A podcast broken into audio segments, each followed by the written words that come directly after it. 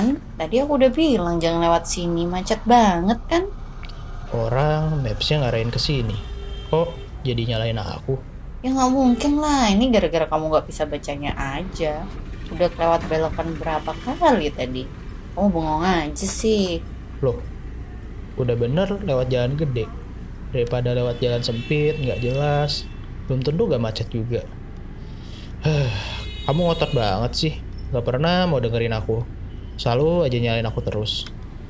Ya gimana mau percaya kalau kamu sering ngawur baca petanya? Eh, iya, tapi kan kamu ngebut banget. Ugal-ugalan. Udah tahu gak kenal daerahnya. Bukannya pelan-pelan, lihat kanan kiri. Waktu kesuruh belok jadi kelewatan kan? Ya udah sini kamu aja yang nyetir, aku yang baca petanya bisa nggak? Paling ya sama nggak becus.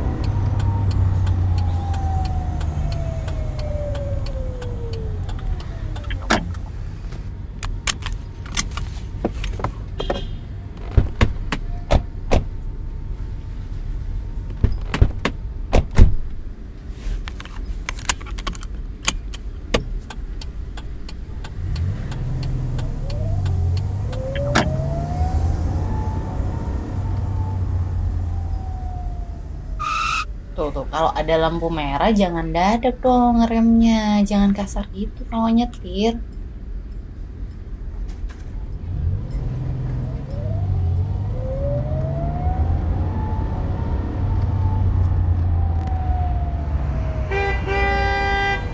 Hmm, kita masih belum telat kan? Nyetirnya lewat amat sih.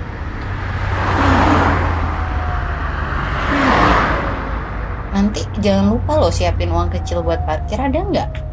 Kamu lupa lagi ya kalau mau ke ATM dulu. Kalau bisa parkirnya di basement aja ya. Kamu marah. Kok jadi sewot gitu sih? Eh, eh, eh, parkirnya yang lurus dong, pelan-pelan, narik handbrake-nya. Bodo amat.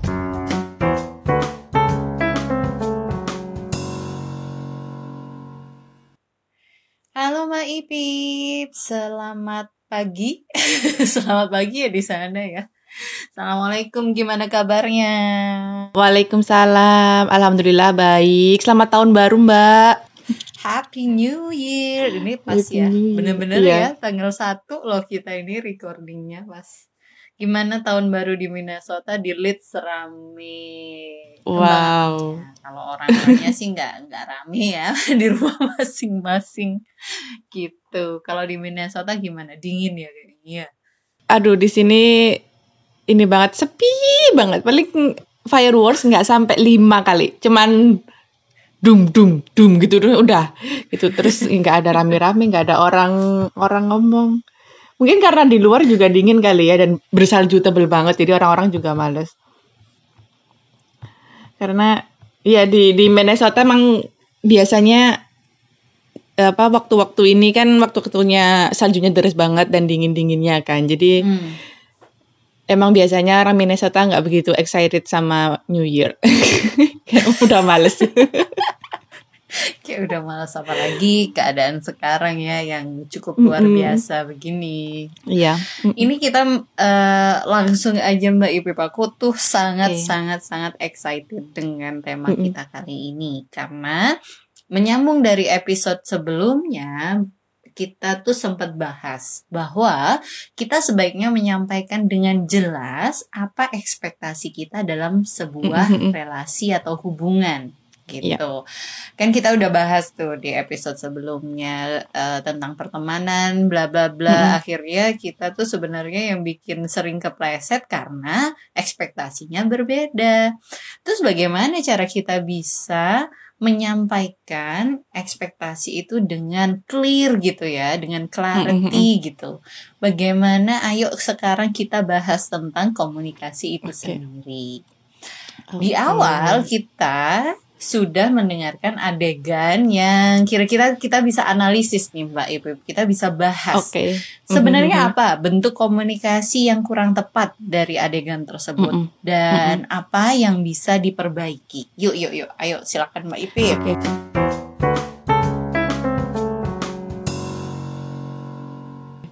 Eh, aku setuju banget sih Mbak. Ini jadi pembahasannya seru banget karena dalam hubungan itu kayaknya kayak 80% itu masalah komunikasi sih. Kalau misalnya kita bisa maintain komunikasi dengan baik, kayaknya kita bisa bisa apa aja lah maksudnya bisa bisa menantang dunia bahkan bahasanya yang zaman anak sekarang.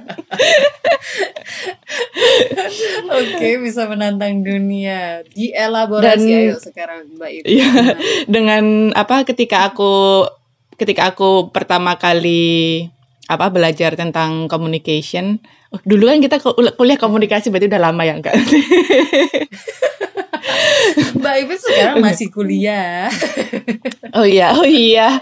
Eh eh, ketika aku pertama kali ngeh dengan adanya kayak tips komunikasi yang efektif gitu, entah itu baik eh, sama pasangan sama orang lain, itu tuh aku kayak jadi kayak ngerasa ada insight bahwa akan banyak banget pasangan atau akan banyak banget relationship yang terselamatkan kalau orang-orang itu lebih tahu eh, lebih tahu tips-tips dan trik ini gitu loh mbak. Jadi aku kayak yang pun Mm, kenapa sih kok cuman aku kok cuman orang ter apa em, sedikit orang yang tahu hal ini gitu. Kalau lebih banyak orang yang tahu hal ini pasti banyak banget hubungan yang bisa terselamatkan gitu. Oke, oke. Ini kalau headline gitu ya, kamu wajib tahu gitu. Iya. Kamu wajib Kamu tahu wajib tahu. ini nih. Iya dan Oke. Eh, oh ya, untuk yang sekarang ini mungkin kita bisa akan fokus kita akan fokus ke empat hal aja ya Mbak ya mungkin ya. Empat hal ini yang Apa itu empat hal? ini dibilangnya the four horsemen of apocalypse. Jadi Apakah itu ya? eh, di Bible itu kan ada kepercayaan kalau mau Mhm. kalau mau kiamat itu bakal muncul empat penunggang kuda gitu. Oh, oke. Terus terus? Nah, terus apa hubungannya dengan empat hal komunikasi yang tidak efektif ini? Karena empat hal yang akan kita bicarakan ini itu associate with uh, broken relationship. Jadi Ah. biasanya orang yang maksudnya hubungannya hancur atau putus itu memiliki kebiasaan empat ini, Mbak. Ah, oke oke. Associated doesn't mean causation. Uh, Oh, jadi oke oke ber- oke. berasosiasi belum tentu berhubungan sebab akibat. Mm, mm, mm, mm. Oh, beda ya. Jadi, Iya, iya, iya. Sebabnya bisa bisa sebabnya hal bisa lain. duit, bisa status sosial, bisa apa aja. Cuman perilaku-perilaku ini yang mungkin bisa memperparah eh, masalah itu gitu. Jadi orang-orang bisa putus atau hubungannya rusak gitu karena empat hal ini. Berarti bukan penyebab, tapi faktor-faktor gitu kali ya mungkin ya. Bisa yang eh, memperburuk itu tadi ya. Iya, iya, kebiasaan empat kebiasaan komunikasi yang akan memperburuk hubungan, sebuah Mm-mm. hubungan. Oke oke. Apa aja itu Mbak IP Oke. 4 itu? Pertama itu adalah mengkritik, criticize. Mm-mm. Contohnya kalau di adegan tadi itu ketika eh, orang bilang kamu selalu nggak pernah dengerin aku Ah, gitu, Oke. atau kamu nggak bisa baca petanya gitu, kayak Hmm. eh, menyerang pribadinya gitu, atau kamu keras kepala kayak gitu. Itu kan apa ya? eh, kita ngomong kita ngomong ke orang kalau kamu keras kepala, kamu nggak mau dengerin orang, Hmm. eh, kayak gitu kan apa ya sebenarnya itu menyakiti orang lain gitu. Kadang kan kita ngomong kayak gitu ya karena kita kesel aja kita kita lagi marah gitu dan kita pingin nyalahin orang dan apa sebenarnya kalau nggak sehat kalau kita nyalah kita nyerang pribadinya dia gitu Oke. Berarti itu itu yang misalnya- terjadi Mm-mm. Kita langsung boleh ini nggak Mbak Ipe? Berarti kalau kita nggak nggak boleh criticize, istilahnya kalau kita menghindari criticize Mm-mm. itu caranya gimana Mbak Ipe gitu? kalau menghindari untuk menghindari criticize kita harus pakai I statement jadi Mm-mm. instead of kamu keras kepala kamu nggak pernah dengerin aku harus pakai Mm-mm. kata-kata I jadi aku Mm-mm.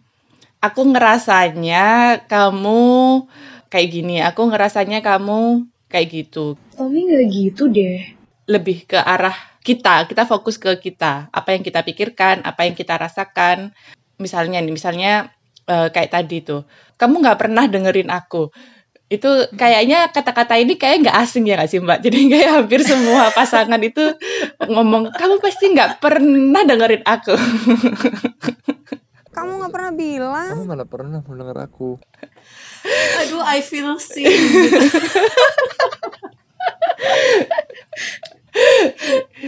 gitu. Atau Iya, kayaknya semua udah pernah deh. jadi kata-kata kamu nggak pernah dan kamu selalu itu kayaknya orang-orang semua bisa relate ya kamu selalu cuci piring nggak bersih gitu gitu kamu sih, kamu Itu- tuh. Iya. Gitu-gitu. jadi kayak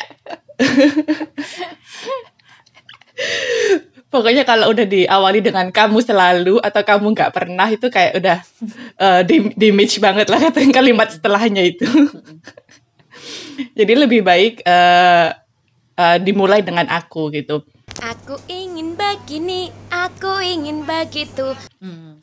aku ngerasa eh, kamu kayaknya nggak fokus deh. eh coba kalau misalnya dilihat lagi gimana gitu. Soalnya aku ngerasa dari tadi kita muter-muter mulu di daerah ini gitu. Hmm. Hmm. Kalau misalnya kita ngomong kayak gitu mungkin apa damage eh, mungkin di sini udah ada masalah kan udah ada masalah lalu lintas, macet, mereka harus cepet-cepet nyampe tujuan gitu. Cuman kalau misalnya kita fokus ke problemnya apa, itu kayaknya akan lebih eh, memperbaiki suasananya. Dan mungkin kalau boleh nambahkan sedikit aja, jadi dengan I statement tuh memberikan ruang untuk orang paham bahwa itu bukan tentang dia, tapi itu tentang perasaanku atau Betul. perspektifku gitu kan kira-kira ya. Oh ya betul, Nah, jadi betul banget. itu pra- menurutku kayak gini, belum tentu itu kebenarannya bisa jadi menurut eh, menurut dia kan enggak gitu kan. Jadi itu Mm-mm. tidak itu tadi yang kata Mbak Ipim menyerang pribadinya tapi itu adalah pendapat kita gitu. Lanjut yang kedua Mbak Ipim. Iya benar banget. Yang kedua adalah contempt. Mm-mm. Ini bahasa Indonesianya itu kayaknya lebih ke arah cibiran atau hinaan. Oke. atau mungkin kayak eh, kata-kata yang sinis apa satir Hmm. atau eh, apa namanya eh, yang melukai gitu. Contohnya kalau di adegan tadi Mm-mm. kayak ini ya udah kamu eh, gantian deh nyetir bisa nggak paling juga nggak becus gitu kayak nyinyir. Ah. apa nyinyir mungkin ya? Yang denger tuh kayak hurt gitu gak Duh sakit banget. iya. Jadi kayak aduh. Kesel banget. Iya benar. konten jadi atau atau mungkin kalau visualnya lebih ke arah memonyongkan bibir atau kayak rolling eyes gitu Ugh, Iya Kayak- iya iya iya iya. masa gini aja nggak bisa sih gitu Hmm, hmm, hmm, hmm. Kalau ini terus apa Mbak Ipip ininya? Apa namanya Ini- obatnya gitu? obatnya apa yang harus kita lakukan? obatnya sih ini lebih ke arah ini sih mbak apresiasi gitu Oke. jadi eh, kita kita harus berpikir positif ya nggak boleh suzon kita berpikir positif orang lain itu juga melakukan sesuatu untuk apa ya eh, dalam hubungan ini gitu. Jadi dia bukan pihak yang diem atau pasif aja. Dia eh, dia juga punya peran gitu dalam dalam hubungan ini. Jadi kita misalnya kayak di dialog tadi Mm-mm.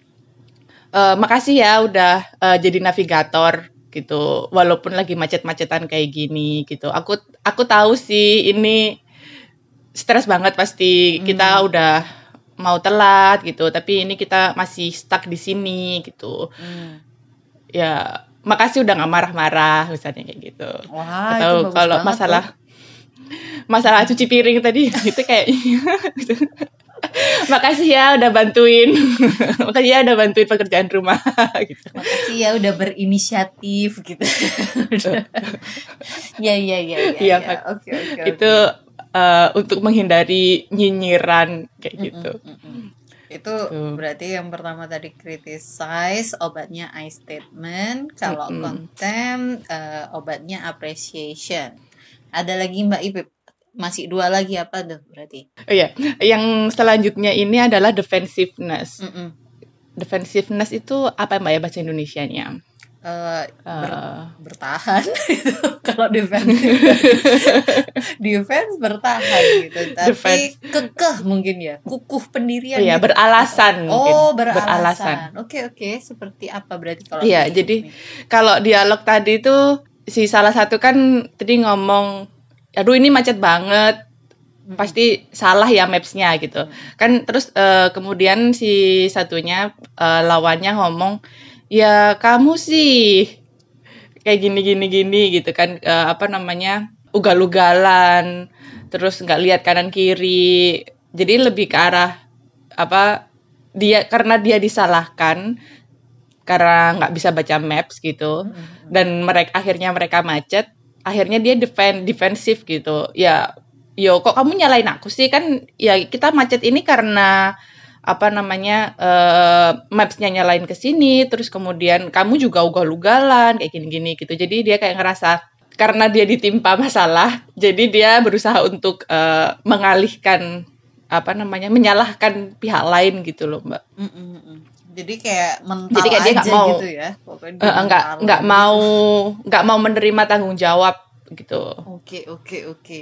Berarti obatnya Iya. dari defensiveness ini adalah Klinik Tongfang Jakarta adalah klinik TCM Tiongkok spesialis membantu mengatasi penyakit tersebut. Accept responsibility. Jadi biasanya kalau tadi aku bilang eh, criticize itu biasanya akan di dihadapi dengan orang defensif. Jadi kalau kita banyak kritik, Oh, kamu kamu kamu kamu kamu kayak gini, kamu kayak gitu, itu biasanya lawan bicaranya itu langsung langsung defensif gitu. mm, mm, mm, langsung ya ya kok ya ini kayak gini sih itu kayak gitu sih gitu. Jadi udah si yang A ini nyalah nyalain nyerang pribadi terus si B-nya dia akan nyalahin pihak lain atau dia nggak mau tanggung jawab dengan eh, dengan apa yang terjadi gitu.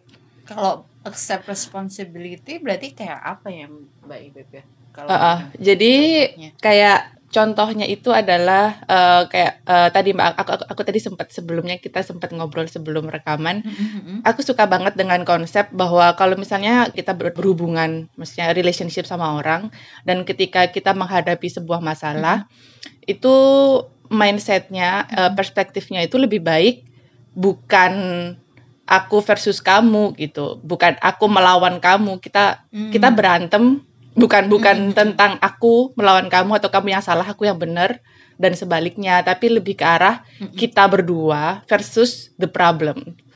Oke.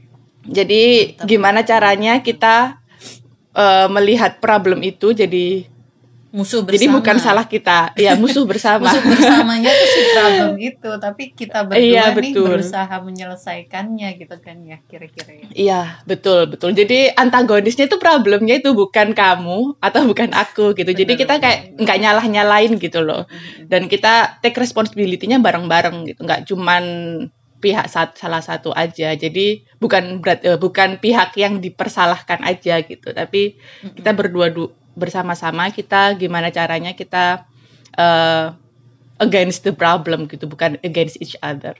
Mhm, mhm, mhm. Uh, Asik banget. Oh, ya pun. aku jadi kayak oh. bisa kayak self reflection belum eh, apa aku bisa ngomong kayak gini belum tentu aku eh, nggak melakukannya juga sebenarnya. Tapi kalau kita balik ya, berarti ini seandainya dengan skenario yang eh, adegan di awal ya, dialog di awal itu kira-kira berarti kalau accept responsibility eh, bentuknya kayak gini nggak Mbak Ipip? Eh, misalnya kan memang macet, terus habis Mm-mm. itu eh, udah capek gitu kan. Terus habis itu salah satunya misalnya bakal bilang "Hmm, atau kamu sekarang udah capek eh, gimana? Aku tahu sih ini kita memang macet banget gitu. Kalau misalnya kamu capek, apa kita gantian aja? Menawarkan gantian tapi bukan bukan karena kalau yang eh, di adegan kan karena marah ya gitu. Tapi ini fokusnya malah lebih ke nggak apa-apa aku aja yang cetir kita gantian biar kita bisa sama-sama dingin gitu misalnya maksudnya nggak iya. capek gitu jadi fokusnya berbeda gitu halnya Mm-mm, bisa betul. sama tapi cara kita menyampaikannya berbeda pun bisa jadi berbeda banget gitu ya hasilnya ya Mm-mm. kalau ngelihat itu Iya betul. Fokus solusi, bener banget mbak, bener. Mm, mm, Fokus mm, solusi. mm, mm, mm. Masih Nah, terus, kurang satu eh, nih, kurang satu. Satu lagi nih. Eh, biang keroknya kurang satu. Oke. yang, yang terakhir ini adalah stonewalling. Oke, apa Ini- itu? Biasanya akibat dari eh, udah kebanyakan dihina atau dicibir, udah kebanyakan contempt dan orang yang kena contempt ini dia akan otomatis reaksinya adalah stonewalling atau eh istilahnya apa membangun ya Mbak ya? tembok, Eh, membangun jarak. Iya, membangun tembok stonewalling, membangun tembok. Dia kayak me- menarik diri dari obrolan. Hmm, Dan kalau di adegan biasanya- yang, hmm, hmm, udah gitu-gitu doang itu apa ya? Iya, udah hmm, udah ditanyain nggak bales, diem aja. Hmm, Terus hmm, kalau visualnya mungkin cemberut, hmm. diem ditanyain kamu kenapa? Nggak apa-apa. Oh, oh.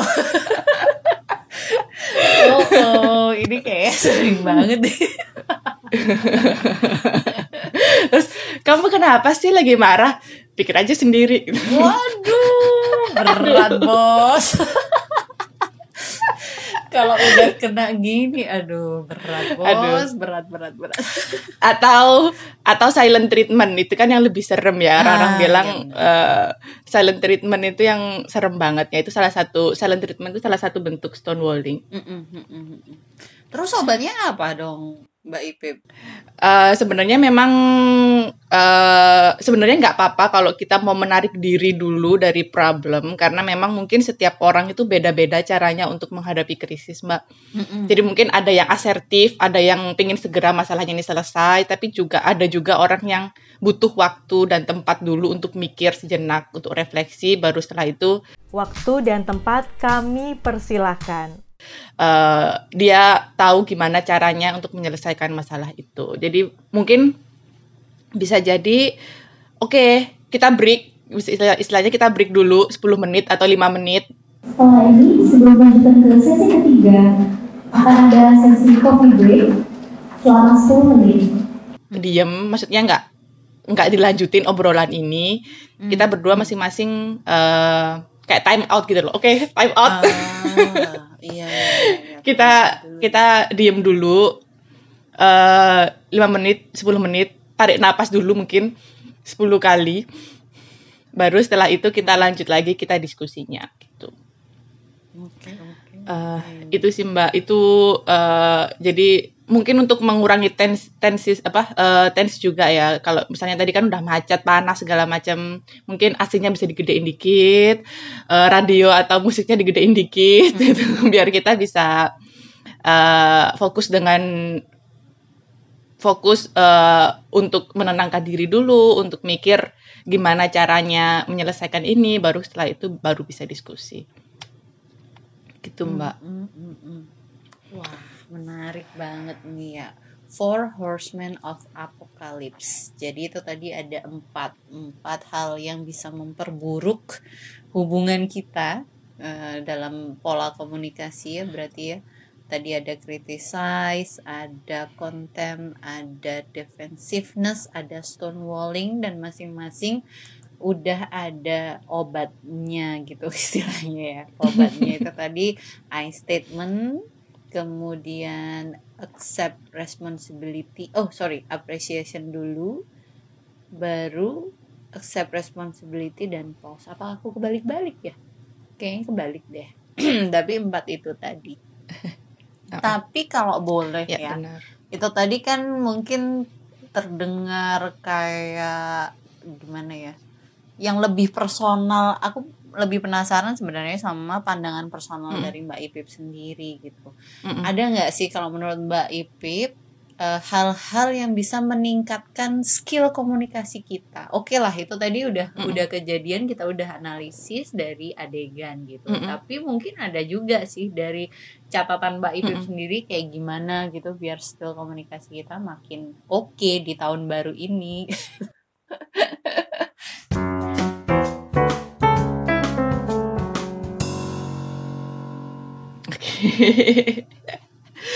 Em, aku eh, pertama-tama sih em, ini sih mbak yang tips tips.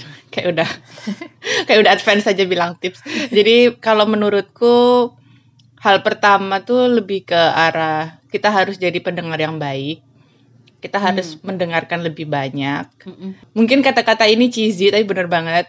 Eh, ketika ada uh, peribahasa yang bilang kita dikasih dua telinga tapi hanya satu mulut berarti kita memang harus lebih banyak mendengar daripada kita ngomong setuju sih dan kita mendengar itu kita mendengarkan kita menyimak itu bukan untuk balas atau bukan untuk bereaksi spontan Mhm. tapi untuk memahami Mhm. sebenarnya lawan bicara kita ini maunya apa dan eh, apa eh, dia backgroundnya kayak gimana gitu alasannya apa jadi active listening itu Mhm. penting banget mbak jadi apa ya eh, listening nggak cuman mendengarkan apa yang dia katakan tapi juga melihat ekspresinya kayak gimana gitu lebih terus ada empati kan jadi kalau kita Hmm. active listening kita dengerin perspektif orang itu kita jadi bisa empati sebenarnya apa sih yang dia rasakan gitu apa sih yang dia pikirkan jadi eh, nggak apa namanya nggak fokus di aku aja aku terus aku terus gitu. Jadi gimana caranya biar eh, ada mutual understanding gitu. Kita lebih kita akan lebih banyak tahu kalau kita mendengar gitu. Betul betul, betul. itu dari segi yang menerima sesuatu nah active listening. Nah terus kalau untuk kalau soalnya kan komunikasi dua arah ya. Kita mendengarkan Mm-mm. terus kita juga menyampaikan. Nah ketika menyampaikan itu eh, lebih baik kita eh, ask, ask for clarity. Mm-mm. jadi for clarity dan avoid assuming. Jadi kita kita berusaha untuk cari eh, kejelasan gitu. Misalnya dengan eh, oh tadi kamu ngomong kayak gini. Karena kita udah active listening kan. Mm-mm. oh jadi kamu merasa kayak gini gitu. Mm-mm, mm-mm. Eh, bener enggak gitu. Jadi kita apa namanya eh, cari kejelasan dan kalau udah maksudnya kalau kita udah tahu yang jelasnya kayak gimana kan jadi nggak apa jadi nggak nggak berasumsi yang macam-macam kan. Karena Mm-mm. asumsi yang macam-macam tanpa kita ada klarifikasi itu kan jatuhnya apa mbak Judging jadi kayak bisa. suuzon gitu kan. Iya, heeh, iya suuzon udah judging gitu. Kita menghakimi sepihak gitu. Jadi dan itu kayak nggak ada baik-baiknya sama sekali gitu. Banyak mudorotnya. Betul betul sekali. Aku setuju wah benar, benar, benar. ada lagi nggak mbak Ibu terus terus It- itu sih da- eh, dari aku dari dua sudut eh, masukan dan pengeluaran masukan dan pengeluaran pasti Jumpa lagi pada kesempatan kali ini saya akan membahas apa yang dimaksud dengan debit dan kredit.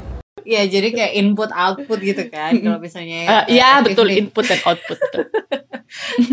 jadi kayak kita active listening gitu sebenarnya kan input kita menerima gitu dan Mm-mm. outputnya ketika kita menyampaikan sesuatu itu Iya. tadi aku setuju betul. banget sih itu Itu sih. udah keren banget mbak Ipip menekankan hal-hal atau apa ya hal-hal yang bisa kita lakukan untuk meningkatkan kemampuan berkomunikasi kita kalau aku boleh menambahkan aku ada Mm-mm. hal yang menurutku juga cukup penting ketika kita berkomunikasi kalau yang tadi di dialog itu mungkin kan yang sehari-hari terus habis itu dalam tanda kutip Mm-mm. tidak bisa disiapkan atau di ya bisa sih sebenarnya disiapkan misalnya dengan uh, preparasi yang baik lihat peta dulu kayak atau apa gitu bisa cuman Spontan, yang yang bukan- yang spontan. spontanitas Ah, ini, ya. betul betul itu spontan tapi ada juga kan kita komunikasi yang bisa disiapkan juga gitu yang uh, ya betul apa ya eh, kejadian-kejadian yang kita bisa menyiapkan terlebih dahulu. Nah, kalau ada yang bisa disiapkan, Mm-mm. aku mencatat bahwa penting untuk kita memastikan tentang eh, availability itu apa ya? Jadi ketersediaan waktu waktu kayak Ketersediaan. ketersediaan eh, mental gitu mungkin mental space Mm-mm, juga mm-mm, gitu. Mm-mm. atau ketertarikan dan juga urgensi atau penting enggaknya sebuah topik atau hal yang pengen kita omongin sama orang. Karena kadang-kadang ini tuh bisa bergesekan gitu maksudnya jadi friksi akhirnya. Kadang-kadang yang sesuatu hal menurut kita penting menurut orang lain belum tentu penting. Mm-mm. dan ketika kita sudah ekspektasi betul. bahwa itu juga penting buat orang lain dia ternyata responnya biasa-biasa aja. Enggak kita udah ekspektasi wah Bang, ini hal yang penting. Tapi ternyata buat dia nggak penting-penting amat gitu. Nah itu mungkin kita bisa memastikan hal itu ter- eh, terlebih dahulu. Bisa ditanyakan bisa eh aku tertarik nih mau bahas ini mau ngobrolin tentang ini sama kamu eh, mau nggak? Mau nggak? Bisa enggak ada waktu luang enggak kayak gitu. Kadang-kadang tentang waktu luang ini aja sometimes people take it for granted gitu Eh, Mm-mm. karena sekarang pandemi habis itu semua dengan meeting kadang-kadang pekerjaan juga Mm-mm. sampai overtime gitu karena kayak kita bisa Mm-mm. dihubungi kapan aja Eh, bahkan ini ke relasi personal pun terjadi kadang gitu bisa kan ayo kita video call sekarang kadang-kadang itu nggak bisa orang lain belum tentu seperti itu gitu kan nggak tersedia nggak available mentally mungkin physically nah itu penting juga karena berpengaruh ke bagaimana komunikasi itu terjadi Ini ya Mbak ya. Asalkan nggak ngomong gini Mbak. Apa? eh, asalkan nggak ngomong kayak kita kayaknya harus ngomong deh.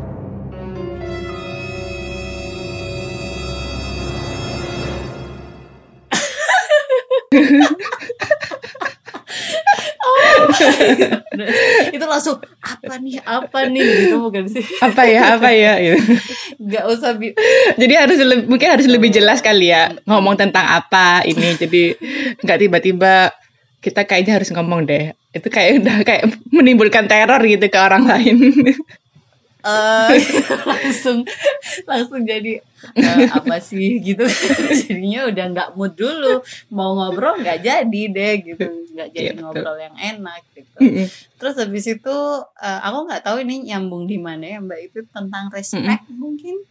Itu Oh, iya. menurutku penting Betul. banget respect. Mm-mm. kita menghargai orang lain tidak menganggap lebih benar terus tidak menganggap betul. lebih pintar posisi kita tuh setara dan kita bukan enemy kita bukan musuh. Jadi kayak Mbak Ipip tadi bilang ini bukan perkara benar atau salah gitu. Kita tidak perlu membuktikan gitu istilahnya kali Iya. ya. Kita nggak perlu membuktikan ini bukan kompetisi juga gitu. Eh, kalau Betul. punya problem persis seperti yang dibilang Mbak Ipip it's us against the problem gitu. Jadi kayak eh, musuh bersamanya adalah problemnya gitu. Ini bukan perkara aku atau kamu yang benar atau yang menang atau yang kalah seperti itu. Itu bisa Iya respect betul. bisa asik banget jadinya ngobrolnya. Mm-mm. terus apa lagi ya? Aku paraphrase tadi ask for clarity itu aku setuju banget.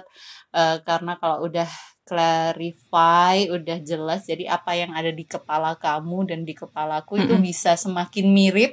Jadi kita Iya, nggak betul. berdebat. Ada mutual understanding di situ. betul betul. Kita ada mutual understanding. Kalau udah mutual understanding kita bisa lebih mudah menyelesaikan masalah atau ngobrolin hal yang fun pun juga bisa lebih enak gitu. Mm-mm. dan mungkin space ya eh, kita kasih room gitu. Kita kasih ruang untuk apa kemungkinan apa pun yang bisa terjadi. Kadang-kadang Iya. kita tidak memberikan ruang itu terus kaget gitu. Jadi kayak misalnya oh ternyata dia berbeda sekali pandangannya. Oh kok dia nggak setuju sih sama aku? Padahal kan aku nih udah udah oke Mm-mm. banget idenya. Aku tuh udah solutif banget. Tapi ternyata Mm. orang lain menganggap itu enggak and it's okay kadang perbedaan itu juga nggak masalah beda pun tidak apa-apa gitu. Itu sih sepertinya Mbak Ipip Iya, yang dari sisi um, aku. Iya benar berapa betul. betul. ya tadi ya kalau Eh, mau di Iya, itu eh, itu melengkapi banget sih Mbak, melengkapi dari yang udah kita bahas sebelumnya kayak eh, respect tadi itu itu juga gimana caranya kita appreciate orang lain kan. Tadi kita Mm-mm. udah ngobrol tentang appreciation, terus ada um, apa tadi uh, spesifik uh, kalau misalnya tadi kita perlu ngomong deh dan kayak sosok misterius gitu kan juga nggak akan efektif gitu dan kita Mm-mm. harus kasih ruang itu benar banget Eh, kita kasih ruang kalau kita itu salah kita kasih ruang kalau apa yang kita omongkan atau yang kita anggap benar itu belum tentu cocok atau sesuai dengan orang lain Mm-mm. benar banget Oh, tadi kayaknya aku ada ada, ada satu deh kalau boleh nambah kalau ini. Eh Mbak Ipi bilang spesifik tapi aku ada teringat gitu. Jadi be specific and take it as it is. Jadi kalau orang bilang sesuatu ya udah itu aja nggak usah melebar, nggak usah ditambahin Iya. asumsi. Misalnya Mbak Ipip tadi bilang kalau aku ngajak, ayo Ipip boleh nggak ngobrol, mau ngobrol nih ini. Mm-mm. Waduh aku nggak bisa Mbak gitu. Udah selesai di situ nggak ada terusannya gitu. Oh kalau be specific and take it as it is ya sudah. Oh ya udah Ipip nggak bisa. Kalau nggak take it as it is bisa bertumbuh. Jadi kenapa Iya. ya? Ipip kok nggak mau ngobrol sama aku? Aku salah apa? Gitu. Apa aku tadi kasar? Apa aku tadi Nah, ya kadang-kadang kita jadi bisa overthinking juga ketika Iya, kita betul. nggak nggak nggak terbiasa untuk spesifik ketika mengungkapkan sesuatu ketika menyampaikan sesuatu Iya. jadinya malah mengembara ke mana-mana itu ya pemikiran-pemikiran Betul. Kayak kata-kata kita harus ngomong deh. Itu kan bisa melebar sampai dia udah nggak cinta lagi sama Oh aku. my Jangan-jangan dia selingkuh. Dia udah kayak jauh banget. bener bener bener bener bener iya jadi itu bagusnya ketika kita sudah terbiasa untuk untuk klarifikasi kemudian di sisi lain yang lain juga kita berusaha spesifik mungkin itu mengurangi kemungkinan ketidakjelasan ya mbak Ipip ya gitu Iya betul betul. kalau udah jelas nggak perlu asumsi macem-macem nggak perlu mikir aneh-aneh Nah itu itu apa buang-buang waktu banget overthink terus habis itu apa namanya em, apa berasumsi-asumsi gitu itu kebanyakan nggak ada gunanya juga dan itu menyakiti Diri diri, sendiri. kita dan eh, menyakiti diri sendiri gitu kayak kayak menderita sendiri gitu kayak paling menderita sedunia gitu. Wah, wah, wah, wah, asik banget nih, asik banget. Mm. Jadi tadi kita udah ngomongin tentang force horseman of ap- apocalypse dalam komunikasi. Kita tambahin juga masing-masing dari Mm-mm. kita tentang apa yang bisa kita lakukan untuk meningkatkan skill komunikasi kita. Disimpulkan apa nih Mbak Ipip episode kali ini?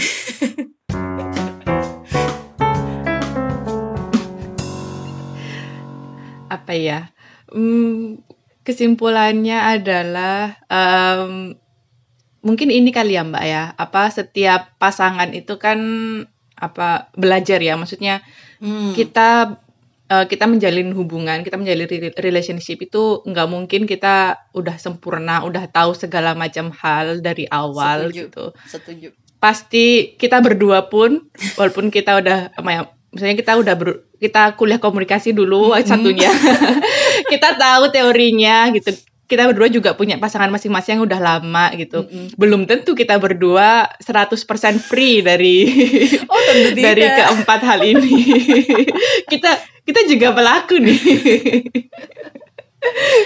betul betul betul betul. Jadi at least ya? uh, kita belajar lah kita belajar terus untuk apa uh, membuka apa ya kayak uh, ini kan pengetahuan baru juga ya dan untuk kita berdua kalau kita udah tahu kan ini kayak jadi kayak ngulang lagi kita refleksi lagi gitu. Nggak apa-apa kita melakukan kesalahan dalam hal ini. Yang Mm-mm. penting kita tahu uh, triknya atau tahu mana sih yang harus yang bener itu kayak gimana. Mm-mm. itu itu yang penting sih mbak. Dan kita bisa apa ya eh, share ini dengan pasangan gitu. Misalnya kayak kayak bikin SOP gitu. Mm-mm. kalau misalnya kita ada masalah gitu kata-kata yang nggak boleh keluar adalah bla bla bla bla gitu. Sama Kita bikin rules Itu- ya itu ya. bikin rules masing-masing gitu. Soalnya aku aku belajarnya kayak gitu sama sama suamiku gitu. Mm-mm. jadi kalau misalnya aku jadi kayak kami bikin SOP gitu literally kayak ditulis gitu. Tertulis. Kalau misalnya kamu atau aku ngomong kayak gini reaksi yang diharapkan adalah yang seperti ini. Reaksi yang tidak diharapkan itu yang seperti ini. Jadi awalnya sih harus lihat SOP dulu gitu ya. Oh kayak gini gini gini. Tapi lama-lama bisa jadi kebiasaan kan Itu sih. Itu itu cara bodoh maksudnya. Karena kita sering lupa kalau udah emosi itu kan kayak udah nggak bisa mikir lagi gitu. Jadi kalau emang udah ada peraturan yang kita sepakati bersama kita jadi bisa reference to eh, apa eh, itu tadi apa peraturan yang kita udah sepakati bersama jadi bisa belajar lagi tiap hari gitu Mantap, mantap. Itu sih, Tapi aku nggak setuju sih itu cara bodoh. Menurutku itu sangat praktikal. Gitu. As long as it Iya sih. works, cara apa pun Iya. kan nggak masalah menurutku. Dan tiap, Iya. tiap relasi, baik ini Mm-mm. teman, baik ini Iya, betul. eh, romantic relationship, mana pun deh, cara apa aja deh, boleh terserah. Yang penting it works for you, it works for Iya. us, gitu ya nggak apa-apa, nggak masalah. Yang penting kan efektif dan goalnya tercapai Iya, sama betul. sih sebenarnya gitu jadi aku udah udah juga bikin rules juga udah bikin udah ngobrol gitu Mm. sama suami bahwa kalau aku udah nangis udah peluk aja udah nggak nggak usah. Udah peluk aja. Udah nggak usah tanyain nggak usah apa udah peluk aja. Udah. Jadi itu sudah SOP akhirnya. Ya udah. Eh, eh, udah nangis. SOP betul, betul. Ah, udah nangis ya udah gitu peluk aja udah. Nanti aja dibahasnya nanti pasti nanti Heeh. ada waktu tapi bisa lah itu nanti hal-hal yang kayak itu dan mungkin teman-teman ketika mendengar ini terus overwhelm bisa jadi sih kayak aduh kok ternyata Mm-mm. banyak apa ya yang harus Iya. kulakukan menurutku satu hal sih yang sangat praktikal ambil satu aja yang menurut kalian paling ngena gitu kalian nggak yang paling ngerasa deh dari force four horsemen itu tadi mana yang paling paling kayak kalian paling parah atau yang paling bener-bener ngena nyantol di kepala Mm-mm, udah itu mm-mm. coba satu aja mulai sadari gitu ketika kalian melakukan itu. Jadi ketika kalian kamu langsung ditutup Oke. mulutnya. Iya.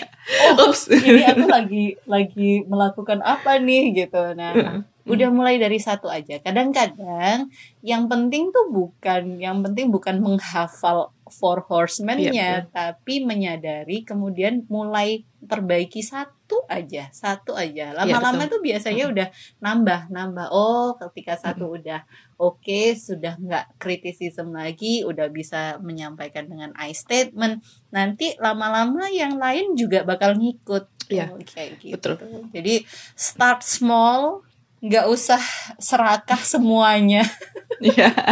nggak usah expect to be perfect yang penting progressing aja sih start small Mm-mm. sekecil itu pun it will matter gitu itu akan aduh berubah banget deh asli Mm-mm. asli Mm. begitu ah senang deh membahas ini Oh, iya. Iya Mbak. Eh, ketika kita ngobrolin ini kita juga belajar hal baru kan bukan bukan bukan berarti kita karena udah tahu kita nggak nggak belajar lagi kayak kita berdua pun waktu ngobrol ini kita juga langsung self reflection kayak kemarin aku habis ngomong ini deh. Iya bener banget. Sama. Aduh kayaknya tadi aku ngomongin.